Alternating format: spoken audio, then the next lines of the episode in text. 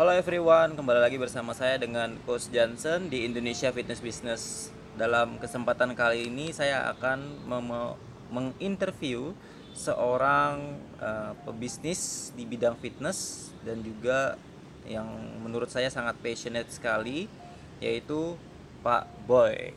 Ya, silakan. Ya, langsung dari sini Oke, perkenalan dulu. deh. Oh iya ya. Oke oke. Eh, ya perkenalkan eh, nama saya Boy Aditya. Biasanya kalau dipanggil sama teman-teman di sini Ayah Boy gitu. Ayah Boy. kenapa? Alasannya kenapa tuh? Ya mungkin karena ya saya udah punya tiga anak ya anak-anak saya udah gede gitu dan mereka manggil ayah kebetulan Oh, jadi jadi keikut sama member juga. Iya, iya. Oke, oke, oke. Jadi ada figur bapak nih di BSA ya. Nah, baru ngomongin tentang figur tadi ternyata ini sebabnya. Oke, lanjut coach. Iya, figur dengan umur yang lumayan gitu. Dia pikir ya ini udah tua dipanggil ayah aja karena kalau dipanggil mas sudah nggak cocok katanya. Oke, oke. Iya. Backgroundnya mungkin bisa di-share sedikit. Oke, background saya eh, ya kita eh, saya berawal dari kes- kesukaan saya terhadap bela diri gitu ya. Udah puluhan tahun dengan umur saya yang hampir 50 nih sebetulnya sekarang. Ketahuan rahasia umurnya. 50 eh, dengan eh, tiga anak. Anak saya udah pada kuliah. Eh, cuman dari kecil saya sangat mencintai bela diri. Oke. Awalnya begitu. Jadi saya backgroundnya dulu karate. Kemudian eh, bermacam-macam eh, bela diri apa eh, yang saya ikuti termasuk silat. Saya sempat mengajar eh, di angkatan eh, udara waktu itu di Halim, kemudian di beberapa universitas. Backgroundnya silat. Ya sebenarnya saya lama di silat. Kemudian eh, saya eh, belajar bela bela diri, diri lain, termasuk akhirnya akhir-akhir ini saya hanya belajar eh, kemarin terakhir belajar Muay Thai dan eh, MMA seperti itu. Jadi memang dari muda itu suka dengan bela diri ya. Iya betul. Iya. Sudah sudah sudah mendalami bela diri bahkan sudah menjadi instruktur bela diri ya. Iya. Historinya begitu. Iya betul. Nah, kenapa eh, sampai buka BSA eh, ininya awal asal muasal permulaan sampai terpikir ah buka BSA aja deh. Iya. Jadi eh, waktu saya berlatih di suatu sasana gitu ya.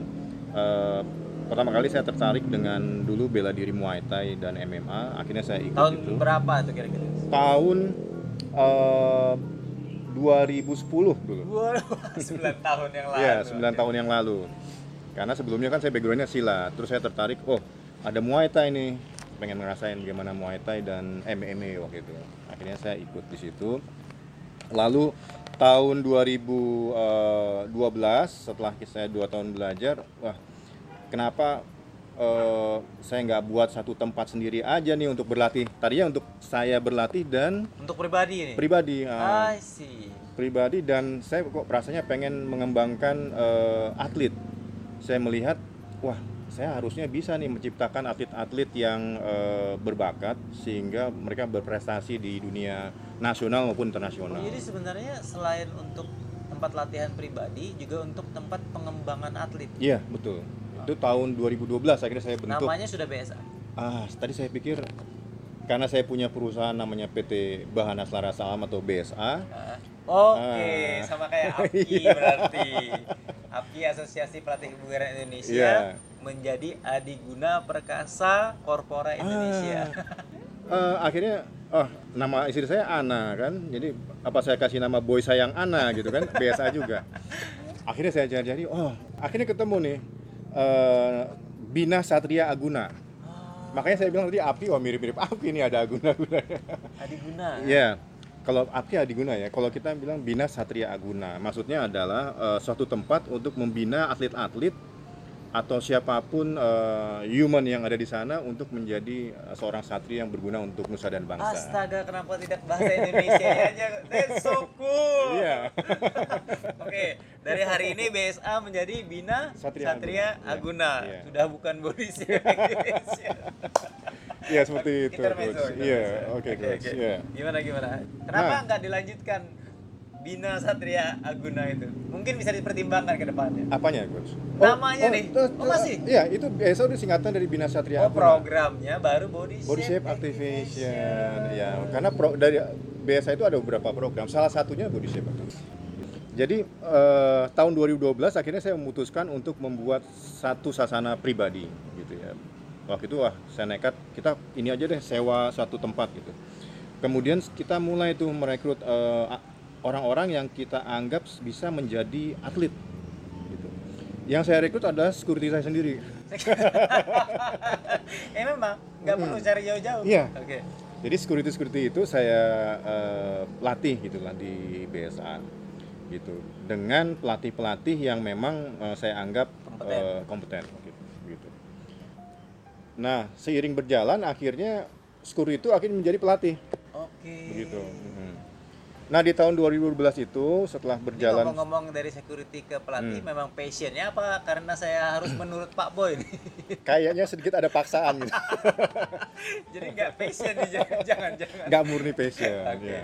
Kecembur Mbak, berarti nah, mereka. Nah, oleh sebab itu, jadi dari beberapa pelatih eh, security yang dilatih, ya Sekedar ada gitu yang ya ada yang menjadi sampai saat ini menjadi justru menjadi atlet yang bagus, ada juga yang eh, karena bukan passionnya Stop. akhirnya stop. Ya, Jadi intinya tahu passionnya setelah tercebur ya. ya Oh, oh iya bagus bagus bagus bagus. Ya lanjut Coach. contohnya nanti ada namanya Stelon Tindage itu bisa ditanya tuh. Oke siap. Gimana gimana? Ya, jadi eh, seiring berjalan itu tahun 2012 kita eh, berdiri, kemudian melatih. Saya berlatih sama anak saya kebetulan. Istri saya kebetulan nggak begitu suka Olahraga. olahraga. ya. Beliau lebih suka, oh suka tapi yoga dan Oh, lain-lain. oke. Ya. Bidangnya beda. Eh, anak saya berlatih dan saya kemudian atlet-atlet. Terus ya udahlah kita sekalian aja kita karena tempatnya waktu itu cukup untuk menambah lagi orang-orang lain. Makanya kita buka untuk umum. Umum. Waktu itu kita hanya ada eh, Muay Thai dan boxing Oke dari 2012 itu. 2012 ya. Bagaimana mungkin bisa diceritakan sedikit perjalanannya ya s- bukan susah senang tapi susah susahnya Hmm. mendirikan BSA Ah oke ini eh, panjang ya ceritanya karena dari tahun s- 2012 itu udah hampir tujuh tahun ya, Ya, BSA perjalanan- berdiri. perjalanan luar biasa Itu eh, untuk suatu gym atau gym khusus martial arts dulu eh, menurut saya cukup panjang itu panjang suka dukanya. karena ya. menurut penelitian sendiri Hmm. kalau misalnya suatu fitness center atau martial arts center bisa bertahan lebih dari lima tahun itu sudah teruji Hmm, hmm, hmm. jadi yang diwawancara ini yang lima tahun lebih nih bagus nih gimana gimana Iya. susah-susahnya? Jadi eh, ya karena tempatnya juga terlalu sempit menurut saya ukuran saya karena di situ hanya berapa empat. ukuran dulu Itu kita hanya sewa ruko yang ukurannya eh, 4 kali 9 meter. di mana tuh Di BSD juga. oke BSD ya Waktu itu di Tol Boulevard. 4 kali 9 wah kecil juga Iya. Oke. Untuk tempat martial art agak Iya, kecil iya, ya. kecil, iya. Heeh. Walaupun itu cuma eh, tiga tingkat. oke Nah, oke Kemudian eh, berapa tahun di sana di sana itu kita sekitar eh, dua tahun. dua tahun ya Iya, dua oke tahun. oke Dua tahun. Eh sorry dikat, saya agak lupa juga tahun 2014 Nggak apa-apa, eh, sebentar. sekitar dua Sembilan- tahun ya? Sekitar dua tahun. Nah, nggak apa-apa nggak usah dikat nggak usah dikat Kalau dikat, oke. ini uncut version Oke. Iya, sekitar dua tahun tuh. Akhirnya kita pindah ke ini. Akhirnya saya memberanikan diri untuk pindah ke membeli suatu tempat gitu ya. apa yang mendorong seorang boy berani membeli atau menginvestasikan uang yang tidak bisa dibilang cukup besar lah Sebetulnya kecintaan terhadap olahraga ini. Ah, oke. Iya. Istri saya udah ngomel-ngomel sih. udah ngomel-ngomel ya oke Istri sebenarnya- ini mungkin Mudah-mudahan nggak dengar istri saya. oh, sudah pasti dengar, saya jamin Jadi, aduh, kontrak udah mau berakhir nih di tahun 2014 kalau nggak salah ya. Kontrak udah mau berakhir, terus kita sudah ada atlet gitu kan, dan sudah ada member ya umum yang di sana gitu kan. Waduh, kalau misalnya saya perpanjang lagi, berarti saya sudah harus merelakan bahwa ada cost lebih yang harus saya ini kan, beban iya ya, beban nah, untuk itu. Kemudian eh, kebetulan lagi si empunya eh, ruko ini sudah bilang ke kita kita mau kelola sendiri tempat itu untuk bisnis yang lain. Akhirnya kita kelimpungan tuh hanya kita hanya punya waktu sekitar tiga bulan waktu itu untuk Oke. pergi kan. Saya kira saya kelimpungan untuk mencari tempat lain eh, eh, maksudnya saya paksakan untuk mencari tempat lain supaya kita tetap eh, berdiri. Tapi saya pikir udah kalau gitu sekalian saya eh, besarkan saja tempat saya mencari tempat yang lebih luas lah seperti padahal itu. itu di posisi belum untung ya Ah iya, sangat sama sekali belum untung. Masih Iya. minus ya. Ya bisa dipikirkan untuk menyewa ruko di eh, jalan utama BSD gitu kan. Jadi satu tahunnya se- berapa? Sebenarnya walaupun rugi dan kontrak sudah mau habis, tapi karena kecintaan akan olahraga ini, Mm-mm. itu yang tetap mendorong seorang boy untuk akhirnya sudah kecebur, ya udah tenggelam sekalian gitu. Ah, jangan ketenggelam, harus bisa ngapung kan itu. Gak itu Iya. istilahnya aja. Iya, iya. Jadi sekalian aja tenggelam masuk gitu, Iya. mendalami. Karena untuk membiayai eh, saya tuh di sana pelatihnya pelatih-pelatih ya, kalau saya sebutkan mungkin Nasional sangat ya. mereka udah startup internasional malah gitu ya. Itu eh, bukan biaya yang sedikit. Jadi sudah biaya operasional cost dari tempatnya tinggi Iya. dan juga pelatih-pelatih yang Iya. ternama Iya. itu Dan sekaligus atlet ya. hantam-hantaman nih. Betul. Oke. Betul. lah. Tapi ya saya pikir eh, saya senang kok dengan itu gitu kan. Akhirnya ya alhamdulillah akhirnya kita dapat nih tempat satu tempat yang menurut saya walaupun bukan di jalan eh, utama, Maksudnya tempat yang sekarang ini tempat yang sekarang ya Oke. di jalan Anggrek eh, Anggrek Loka BSD. mungkin bisa dijelaskan ini daerahnya apa Anggrek Loka ini? Jadi Anggrek Loka ini eh, sebetulnya masuk dalam kompleks, kompleks perumahan Anggrek Anggrek Loka. Cuman untungnya satu jalan ruas jalan eh, di jalan utama Anggrek Loka ini akhirnya dibuka untuk umum. Sekitar-sekitarnya kalau kita lihat sudah banyak ruko, sudah banyak tempat makan dan lain-lain. Jadi Bahkan waktu mau beli tempat ini sudah tahu kalau ini sebenarnya dulunya bukan jalan um- utama ya. eh, dulunya sudah jalan utama. Oh sudah jalan Iya, utama, iya. cuman masih sepi sekali mungkin dulu. ya. Iya betul. Nggak seramai sekarang lah ya. Iya. Tadinya sebenarnya saya dapat satu tempat yang lebih representatif. Jadi aku ngelihat lebih murah, terus dia lebih luas gitu. Lalu nggak jadi karena saya melihat di depan situ ada satu tempat eh, dibuka satu sasana kecil satu ruko satu lantai Eh, saya bukan orang yang eh, seperti itulah mau gitu berkompetisi ya. iya betul Hmm, akhirnya oke, saya eh, cari tempat yang memang lebih terpencil eh, tapi eh, saya nggak nggak mengganggu orang lain Wah, itu prinsip yang bagus sekali. Iya.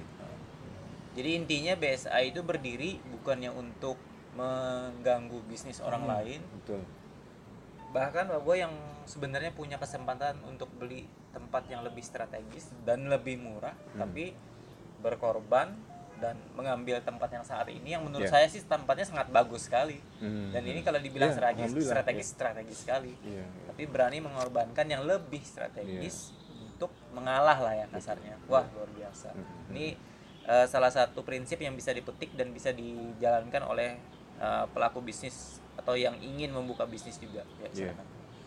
Nah, eh, tapi justru akhirnya saya bersyukur gitu dengan tempat yang seperti ini, eh, saya lebih bisa eh, mengembangkan tempat ini dengan optimal. gitu. Hmm. Iya. Jadi bukannya merasa, aduh kenapa saya nggak ambil yang di sana ya? Tapi Tadinya begitu, ada ada sebersit Pasti. hal seperti itu ada. Cuman saya pikir ah itu enggak lah, namanya rezeki harusnya. Iya, rezekinya Kita juga nggak boleh nutup rezeki orang lain. Betul. Prinsipnya seperti itu. Wow, luar biasa. Oke, lanjut coach. Kemudian di Hmm. BSA sendiri itu servisnya ada apa aja? Ya, jadi eh, tadinya hanya khusus ke martial arts saja. Eh, akhirnya kita kembangin ke apa namanya eh, ke ke- ke kegiatan-kegiatan olahraga lain seperti yoga, kemudian ada zumba gitu. Bahkan Di- tadi ya. saya lihat waktu masuk itu ada ini juga ya, ada dumbbell, ada squat Iya, rack, betul. ada area buat fitness juga ya. Iya. Nah, nah nanti kita bahas Oke, ke oke, sana. oke, siap, siap. Maaf, maaf, maaf, maaf, maaf. Tadinya kan kita hanya fokus martial art. Oke. Jadi eh, di sini pun dulu ada sekitar 12 cabang bela diri yang kita memang akan 12 kelola, cabang. ya, yang sedang dikelola. Dari Muay Thai, boxing, MMA, luta livre, BJJ, judo, silat. Ya, ada silat eh, beksi di sini, tarung beksi namanya. Kemudian ada karambit, kemudian ada eh, Wing Chun eh, dan beberapa diri lainnya. Walaupun akhirnya secara kompetisi eh, Mana yang ramai? eh, secara mana ini secara ya. apa namanya tuh per- ya, berlahan waktu karena memang tidak ada peminatnya beberapa akhirnya eh, stop. Mundur ya. Tapi kita tetap membuka peluang untuk itu. Wah, Makanya kita yang namakan- membuat saya amazed adalah beliau masih ingat hampir 10 bela diri yang ada di sini. Sudah nggak dipertanyakan lagi passionnya pemirsa-pemirsa. iya, jadi namanya juga biasa Mar- Martial Arts Center gitu. Saya pengen benar-benar jadi pusat eh, bela diri. Bahkan dulu ada apa namanya khusus eh, ya apa namanya kita namakan Tapi kalau boleh saya berpendapat, itu konsep yang sangat bagus sekali loh sebenarnya. Di mana suatu pusat kebugaran itu available untuk membernya memilih bela diri apa yang mereka mau dalami dan pilihannya sangat banyak. ya Karena yang seperti kita ketahui di gym komersil antara Muay Thai, boxing, Muay Thai, boxing hanya dua ini. Hmm. Dan menurut saya ini adalah bisnis opportunity yang sangat bagus sekali. Seandainya misalnya BSA bisa ya kita tidak antara BSA atau eh, yang sejenis bisa menyediakan suatu tempat yang all in Hmm. one eh, jadi all in one solutions untuk martial art fitness. Oh, that's a very good idea. Mungkin bisa memberi Betul. menjadi ide-ide juga untuk Pak Boy dan Iya, juga iya. para pendengar. betul, Silakan. betul, iya. Oh. Eh, ya setelah itu kita merasa bahwa kebetulan ada satu tempat yang cukup bagus di lantai satu ya Eh, memang kita sediakan untuk apa memang kita sediakan untuk eh, yoga kemudian zumba eh pound fit Mm-hmm. gitu strong by zumba gitu seperti itu. akhirnya berkembang bukan hanya bela diri saja tapi juga eh, hal-hal seperti itu Hmm, Oke oke. Jadi eh, intinya di BSA itu tetap fokus di service utamanya yaitu martial art, tapi tidak menutup pintu juga untuk peminat-peminat di Yeah. bidang yang lain. That's Betul. very noble Yeah. karena memang pada dasarnya di fitness center kita juga boleh nggak fokus ke satu bisnis saja. Boleh, boleh boleh saja. Tapi kalau memang misalnya ada kesempatan untuk kelas-kelas yang side dish lah, kalau Hmm. side jobnya lah, itu tidak masalah Iya. bahkan eh, yang saya temui di beberapa bisnis fitness di Indonesia adalah kemungkinan besar yang side job ini bisa membantu mengangkat yang bisnis utamanya di saat bisnis utamanya masih merangkak naik Hmm. nah itu yang saya pelajari jadi mungkin bisa diaplikasikan juga di BSA Oke. karena orang kebanyakan ah ini cuma side job ternyata side jobnya yang mendatangkan profit lebih gitu loh ya sama aja kayak eh, suatu film atau suatu eh, apa tempat rekreasi yang Hmm. yang selling malah merchandise-nya gitu loh. betul Jadi kita kira kayak Hello Kitty itu kan kita kira filmnya yang besar ternyata nggak merchandise-nya. Nah ini Hmm. kurang lebih sama lah. Ya, ini advice yang bisa saya berikan. wah bagus banget ya advice ya Oke lanjut. Ya. Nah, ini setelah eh, sekian lama berdiri ya, kemudian saya kok merasa kayaknya kalau hanya martial art saja eh, ada sesuatu yang kurang lengkap gitu. Kalau hanya martial art kita hanya mengajarkan teknik-teknik bela diri itu saja gitu kan.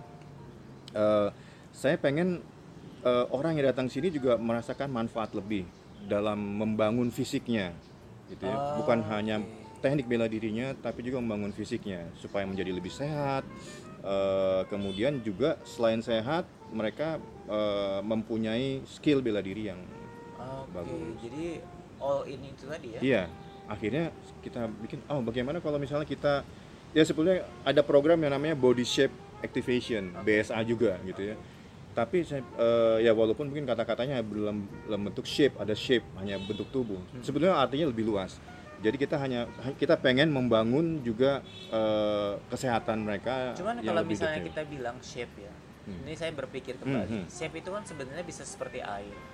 Air itu kan bisa menyesuaikan dengan bentuk atau tempatnya. Jadi Iya. menurut saya sih kalau filosofinya di twist sedikit menjadi body shape activation nggak masalah. Oh, oke oke Jadi ya. seperti air dia akan mengikut mau dia masuk menjadi bundar mau kotak. Jadi menurut saya sih shape masih masuk dengan Oke. setelah saya belajar filosofinya Iya, ya, iya, iya. yang 11 cabang martial Hmm. art.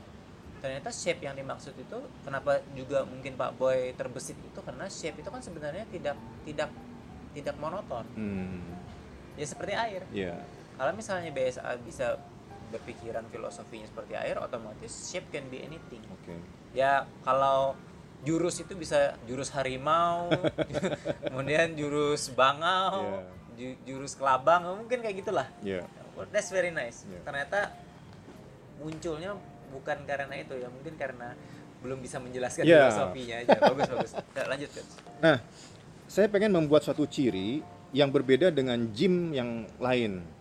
Makanya tadi itu ada body shape activation sehingga bisa mengakomodir eh, apa namanya keinginan dari member atau orang-orang yang datang berlatih di BSA. Nah, oleh sebab itu maka semua program yang ada di BSA itu selalu harus dikombinasikan dengan cross training. Cross training maksudnya seperti apa? Jadi eh, di sana ada seperti contohnya kita ada program misalnya TRX Muay Thai. Oke. Iya. Kemudian kita ada program program CrossFit dalam eh, CrossFit Muay Thai atau CrossFit Boxing Oh, dan lain-lain. ya Iya. karena seperti prinsip yang Pak Boy bilang tadi, nggak belajar teknik saja, tapi harus meningkatkan fitness level. Iya, fitness levelnya. Bahkan kita ada yang namanya Iron Punch. Iron Punch itu apa ya orang bilang Iron Punch? Sebenarnya Iron Punch adalah kombinasi antara calisthenic dengan boxing. Astaga, dari so smart, dari so smart, that's amazing smart. Eh. Wah gila nih luar biasa sekali idenya. Jadi eh, orang-orang yang eh, memang memang sangat hobi kalistenik, mereka kadang-kadang kalau kita lihat di eh, apa komunitas-komunitas, habis itu mereka melakukan ada sparringnya gitu ya, sparring boxing. Dan kita lihat loh, teknik-tekniknya kok nggak tidak mencerminkan seorang yang memang punya skill boxing di situ dengan tidak diawasi oleh eh, pelatih atau coach Sayang ya, yang itu sayang gitu. Akhirnya oke lah kita bikinlah satu program namanya Iron Punch. Tapi saya setuju dengan coach yang concern terhadap Hmm. form. Karena begini, banyak orang bilang, ya udah kalau boxing boxing aja nggak usah pakai teknik. Ah, The problem adalah betul. di saat kita melakukan sesuatu yang salah berulang-ulang, mau dibenerin formnya itu lebih sulit Yes. daripada diajarkan. Betul, betul sekali. Mengkoreksi Ya. itu jauh lebih sulit daripada mengajarkan hal yang baru. Hmm, hmm. Karena sudah ingrain Ya. di brainnya. Jadi saya paham maksudnya coach itu rasa concern terhadap form yang salah itu jadinya kayak ini aduh seharusnya mereka bisa belajar yang lebih baik formnya. Hmm.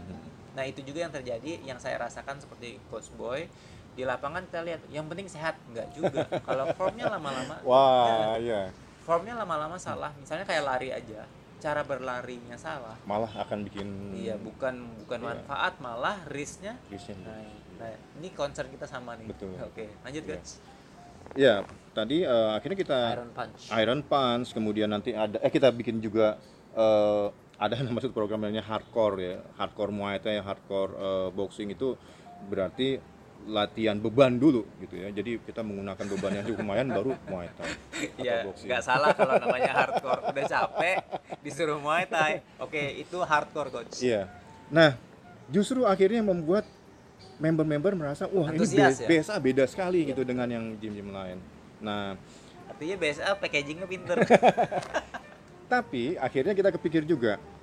Nah, untuk membekali eh, coach-coachnya mahir dan paham hal seperti itu, kita harus mendevelop Bekali ya. ya bekali dengan eh, apa namanya knowledge yang benar. Akhirnya apa? Kita gabung, apa maksudnya kita me- apa namanya mem- Belajar. me- ya belajar atau mengirim teman-teman ini pelatih semuanya ke APKI. Oh, Untuk belajar itu. pantes. Jadi ini ini ini triggernya ya. Iya betul. Jadi adalah concern akan form itu sendiri, teknik itu sendiri karena Coach Boy kan instruktur dari bela diri. Hmm. Jadi paham betul pentingnya teknik yang benar. Ya, dan, dan dan Oh. saya personal trainer APKI loh. Promosi sekali. ya. Jadi Saya dan istri saya. kalau ada yang nanya ya udah promosinya ke sini oke oke lanjutkan kan Iya. Loh, nggak ini benar, bukan promosi. Jadi justru karena saya tertarik ini, maka saya juga harus belajar kan. Sebagai owner, saya harus tahu jelas gitu. Makanya saya melihat, oh, kebetulan waktu itu ada Kafka nih. Saya kebetulan udah gabung sama Kafka, apa, udah eh, kenal sama Kafka. Dia Kafka itu pelatih BSA di Stronghold. Stronghold BSA ya. Stronghold BSA. Terus Kaf, lu belajar dari mana di APKI? Wah, gua harus ikut. gitu. Gua harus tahu gitu yang namanya eh, apa hal-hal yang terkait dengan Karena fitness, safety, safety. Safety dan fitnessnya. Akhirnya aku ikut itu eh, course eh, Itu- personal trainer. itu triggernya ya Iya, saya dan istri saya malah gitu Iya. kan. Istri saya bukan praktisi Fitness, fitness, tapi, tapi diceburin juga ya karena dia karena tertarik. udah terbiasa dengan security diceburin Betul. sekarang istri diceburin Iya, jadi eh, kita akhirnya paham gitu ya. Walaupun tidak ahli, tapi akhirnya Iya, kita paham. harus paham. gitu, seperti itu. jadi kebanyakan eh, masyarakat masih berpikir fitness study guide itu untuk calon coach saja Hmm. padahal kalau misalnya punya eh, wawasan yang baik otomatis bisa menentukan mana sih coach yang kompeten Iya. sama yang enggak itu penting juga. betul betul Oke, lanjut, dan Coach. kita juga bisa secara langsung memberitahu ke coach-coach kita gitu kan ini benar ini salah apalagi sebagai eh, menurut saya sih itu tanggung tanggung jawabnya coach Iya. sebagai owner dari BSA gitu. betul betul Oke.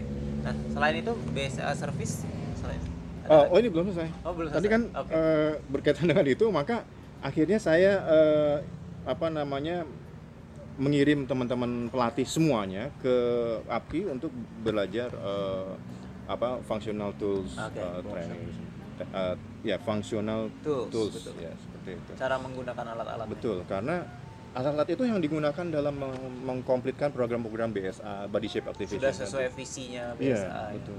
Karena selama ini mereka kita menggunakan itu, tapi kan mereka berdasarkan pengalaman, Pengalaman. mereka Jadi- pada saat mereka berlatih di pelatnas dan lain-lain gitu ya. Yang menurut saya eh, pada saat itu banyak sekali perbaikan-perbaikannya. Dan menurut saya sih sebenarnya begini, yang namanya pelatihan di API itu bukan bener eh, 100% berbeda. Karena kebanyakan coach yang berpengalaman join di API itu sebenarnya cuma afirmasi apa yang saya lakukan selama ini sudah benar belum. Hmm. Jadi kebanyakan mereka berpikir ini akan belajar something. Ya memang akan ada hal yang baru. Tapi 80%, tujuh- eh, 90% bagi coach yang sudah berpengalaman itu seperti afirmasi. Dan mungkin memahami lebih dalam Iya, iya. apa yang sudah dia lakukan. Formnya benar, tapi kalau dia paham lebih dalam bisa menjelaskan manfaatnya. Oke, wah menarik sekali. Eh, coachnya sendiri bagaimana eh, di BSA?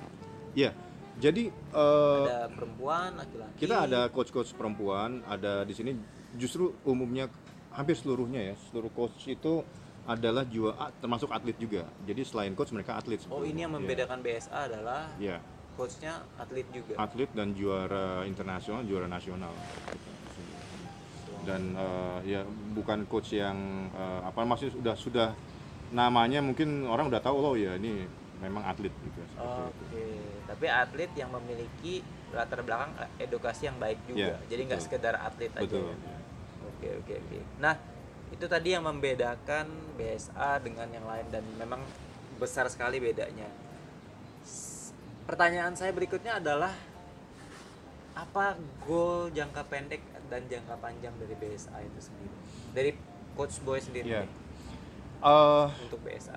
kita masih tetap ada satu goal yang terus dari awal kita berdiri Berdiri. yaitu saya pengen ada atlet-atlet atau menciptakan namanya juga Bidana Satria Aguna menciptakan eh, atlet-atlet yang berprestasi untuk eh, nasional maupun internasional membawa nama bangsa kita. Untuk di bidang apa nih? Eh, di bela diri bela diri semua bela diri yang memang sedang kita kembangkan Oh di sini. semua bela Iya. diri itu.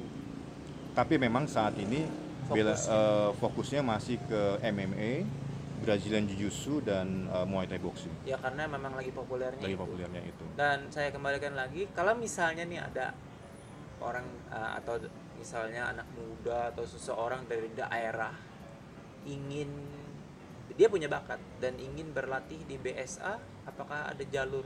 Oh sangat. Jadi eh, sekedar info aja bahwa kita ini membina salah satu membina apa eh, salah satu eh, tempat di Majalaya untuk Di, di itu di Serpong. bukan di Jawa Barat. Oh di Jawa Barat Iya. aja. Karena saya lihat tempatnya memang sederhana, tapi di sana penuh dengan bibit-bibit atlet. Ya. Jadi kita bina. Jadi eh, kebetulan di sana dibina oleh Gusnang namanya, Agus Nanang gitu ya. Salah satu tokoh bela diri juga terkenal di MMA dulu waktu zamannya TPI fight dia populer. Oke. Nah, mereka membina di sana tuh. Ini bagian dari BSA. Enggak, bukan bagian. Tapi saya membina di sana. Saya mensupport mereka atlet-atlet itu. Beberapa atlet saya Pendanaan lah ya. Iya, salah satunya pendanaan. Bahkan beberapa atlet kita undang kadang-kadang kalau ada ada pertandingan di Jakarta, kita undang ke sini untuk mereka bertanding. Full kita ini kan, kita support mereka ke Jakarta, kemudian pada saat bertanding mereka juga Wah. dapat ini. Ini kalau coach yang bisa masuk ke BSA tuh sudah seperti dream come true du- duluan ini. Karena jalannya udah jelas akan diarahkan ke mana. Iya. Dan biasa tidak memotong apa pun dari itu. Mereka menang juara eh, internasional boxing Dapat atau apa pun, hadiah. tidak ada potongan BSA untuk eh, hadiah yang mereka dapatkan. Bahkan BSA mensupport mereka. Tidak ada sepersen pun. Gitu ya. Iya. Waduh, duh, duh, duh, luar Di sini biasa. ada juara One Pride, gitu kan? Ada juara boxing internasional AIBU, ada juara uh, Luta Livre, banyak juara di sini banyak ya. juara tapi tidak ada satupun uh, mereka kita potong. Bahkan mereka kita beri bekal untuk Pesangon itu, ya? pesangon. Jadi intinya memang karena visi misi awalnya BSA itu untuk pembinaan. Ya, Jadi ya sudah pembinaan, Pembinaan, bukan ya. untuk menjadikan mereka profit making lah betul. More- Very very noble. Itu jangka panjangnya, jangka pendeknya goal. Um, Ekspansi mungkin? atau memperbaiki Iya. sistem yang sudah ada?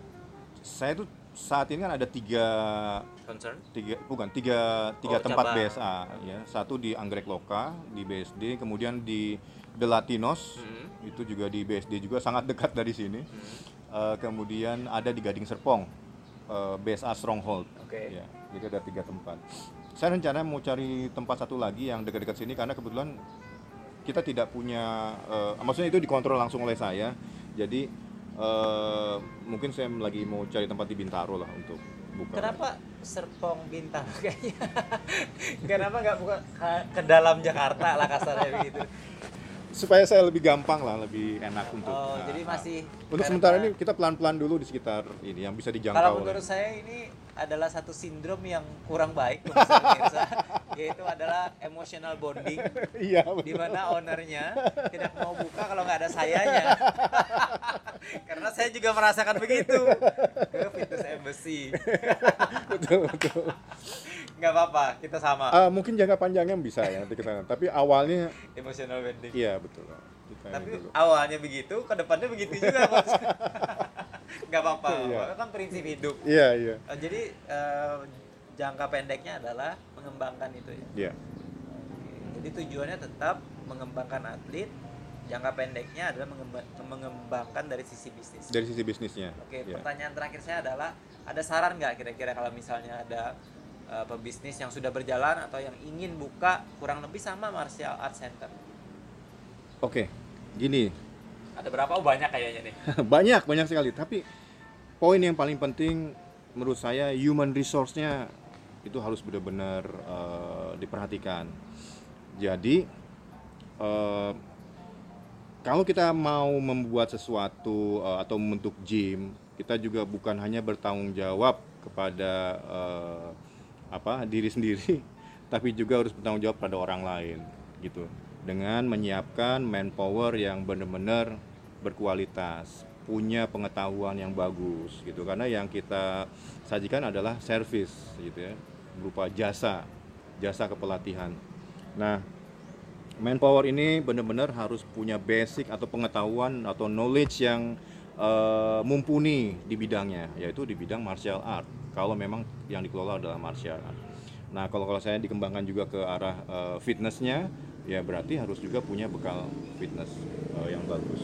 Yang kedua eh, selain itu mereka harus eh, dibekali dengan hal yang berkaitan dengan eh, apa namanya pengenangan penanganan kesehatannya ya kalau saya mereka bekali dengan kursus-kursus yang berkaitan dengan first aid Oke. gitu ya jadi kalau udah terjadi Keselamatan ya? keselamatan karena bela diri ataupun fitness ya menurut saya akan Ada risiko. ada risiko cedera gitu ya Eh, Itu yang pertama adalah pengembangan SDM-nya. mengenai SDM-nya ya Yang kedua mungkin oke yang kedua tentunya fasilitasnya fasilitas. fasilitasnya fasilitasnya harus kita buat sedemikian rupa sehingga me- apa namanya eh, Nyaman mungkin. nyaman kemudian kalau di sini karena ada kaitan dengan fitness ya berarti kita mesti lengkapi dengan alat-alat yang proper gitu kan seperti itu Alat-alat yang proper tapi tidak sampai harus yang paling mahal ya. tidak Bos, ya. harus tidak harus tidak harus kemudian eh, karena berkaitan dengan martial art ya berarti eh, kita harus siapkan kalau karena ada MMA ya mereka harus punya matras atau ring yang bagus ideal gitu kan Fasilitas sesuai yang dibutuhkan. yang sesuai yang dibutuhkan ya. Oke, pertama SDM, kedua fasilitas sesuai yang dibutuhkan. Hmm. Yang ketiga mungkin advice-nya dari perjalanan dari BSA itu sendiri. ya Mungkin jangan saran. ini jangan putus asa kalau di martial art gitu. Jadi yang namanya kalau saya sih dulu sama sekali tidak mempertimbangkan mana yang rugi mana yang untung dulu. Dan itu salah sebetulnya. Karena kalau misalnya eh, ini mau bertahan lama kita harus bisa punya profit. Minimal harus punya profit untuk menutup. menutup eh, operasional yang ada seperti itu. tidak boleh munafik ya Iya, kalau betul, ini untuk service to others saja. Betul, tapi betul, memang iya. harus bisa menciptakan profit Iya. dari bisnis yang didirikan ya. Karena kita mesti pikirkan bahwa masa depan masa depan ini kehidupan. kehidupannya juga eh, kita Coach. menghidupi atlet-atlet coach-coach yang ada di sini gitu. Jadi eh, dengan dia punya profit ya tentunya coachnya akan lebih bagus. Gitu. Eh, kalau saya ya terus terang kalau misalnya ditanya berapa sih yang didapat oleh coach, mungkin paling tinggi dari seluruh masyarakat yang ada di Indonesia. Tapi saya nggak bisa sebutkan. ya Bisa jangan, ditanya jangan, aja. jangan. Ntar pada pindah ke BSA semuanya paling tinggi. Saya yakin paling tinggi. coach ya. yang tempat lain ya karena anda eh, fokusnya ke kesejahteraan pelatihnya betul. karena tujuannya kan dari awal karena sesuai dengan visi misinya itu tadi pengembangan dari eh, mempersiapkan mereka menjadi atlet Betul. otomatis keseja- kesejahteraannya itu prioritas Iya. itu yang ketiga yang keempat ada lagi coach dari sisi bisnisnya dari sisi bisnis ya tadi ya kita nggak boleh pun pantang menyerah Ya, gitu ya dan harus em, tetap menciptakan profit itu wajib. Kemudian nggak usah takut berkompetisi. Betul. jadi maksud saya di sini banyak di sekitarnya ada eh, sasana-sasana lain. Malah kita mesti senang.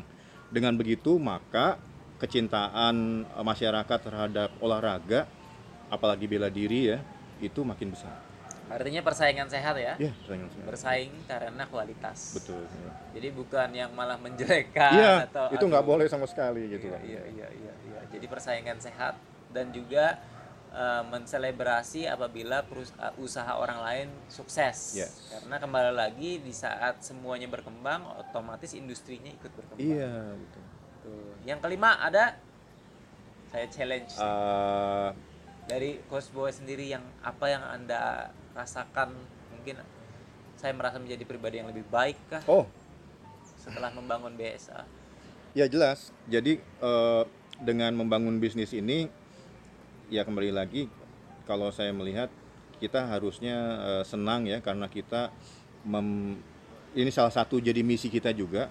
Jadi menciptakan masyarakat yang eh, sportif. Tentunya orang-orang insan olahraga akan menjadi orang-orang yang sportif. yang harapkan sportif seperti itu penting Ya. sportif itu artinya tahu aturan tahu kapan menang dan kalah Ya, dan juga satria saat menerima kekalahan betul. Nah, jadi bukannya malah tidak sportif dan Iya. malah jadi pengecut gitu Iya. waduh luar biasa Masih ada yang keenam. oh masih ada yang keenam Sebenarnya silakan dibalik-balik. Ya, silakan sebenarnya keenam tadi harusnya urutannya kelima. Jadi bagi kalian-kalian yang memang ingin eh, bergelut bisnis di gym atau sasana bela diri, jangan pernah berhenti berkreasi. Jadi harus berpikir, oke, ini untuk supaya berkembang kita harus lebih eh, punya inisiatif, lebih kreatif. Kira-kira ini produk akan diarahkan ke mana, kemudian akan lebih maju kalau bagaimana seperti itu. Oke, makanya namanya Iron Pants, hardcore dan lain-lain itu tadi. Iya betul. dan itu menurut saya sangat kreatif dan itu jarang sekali makanya saya sering bilang kekurangan di Indonesia ini adalah packaging kita nggak bagus Mhm. kita tahu skillnya kita punya SDM-nya tapi packaging dan bagaimana kita membentuk suatu program dan juga menjualnya itu yang sangat kurang sekali Iya. ya terima kasih coach Siap, atas waktunya sama-sama terima kasih. Eh, sebagai closing aja dari sesi kali ini yang saya dapatkan adalah Coach Boy adalah figur dari contoh figur dari seorang leader yang di mana mereka eh, belajar banyak dari Coach Boy itu karena begini Coach Boy ingin mengembangkan sasana BSA agar bermanfaat untuk banyak orang termasuk coachnya sendiri. Tentunya hal ini akan dirasakan oleh para membernya di mana mereka akan menganggap treatment untuk coachnya saja baik untuk coachnya apalagi untuk membernya. Jadi eh, figur-figur seperti ini atau eh, nilai-nilai leadership seperti ini yang memang harus dimiliki sebagai eh, dari pemilik eh, pebisnis di bidang fitness. Terima kasih, Ya, Coach Boy. terima kasih. atas waktunya Sama-sama. dan eh, semoga kita bisa interview lagi dan lebih dalam lagi mungkin Siap. nanti untuk hal-hal yang lebih spesifik. Ya, Oke, thank oke. you. Terima kasih. eh, terima kasih untuk seluruh pendengar. Eh, Sampai jumpa di episode berikutnya.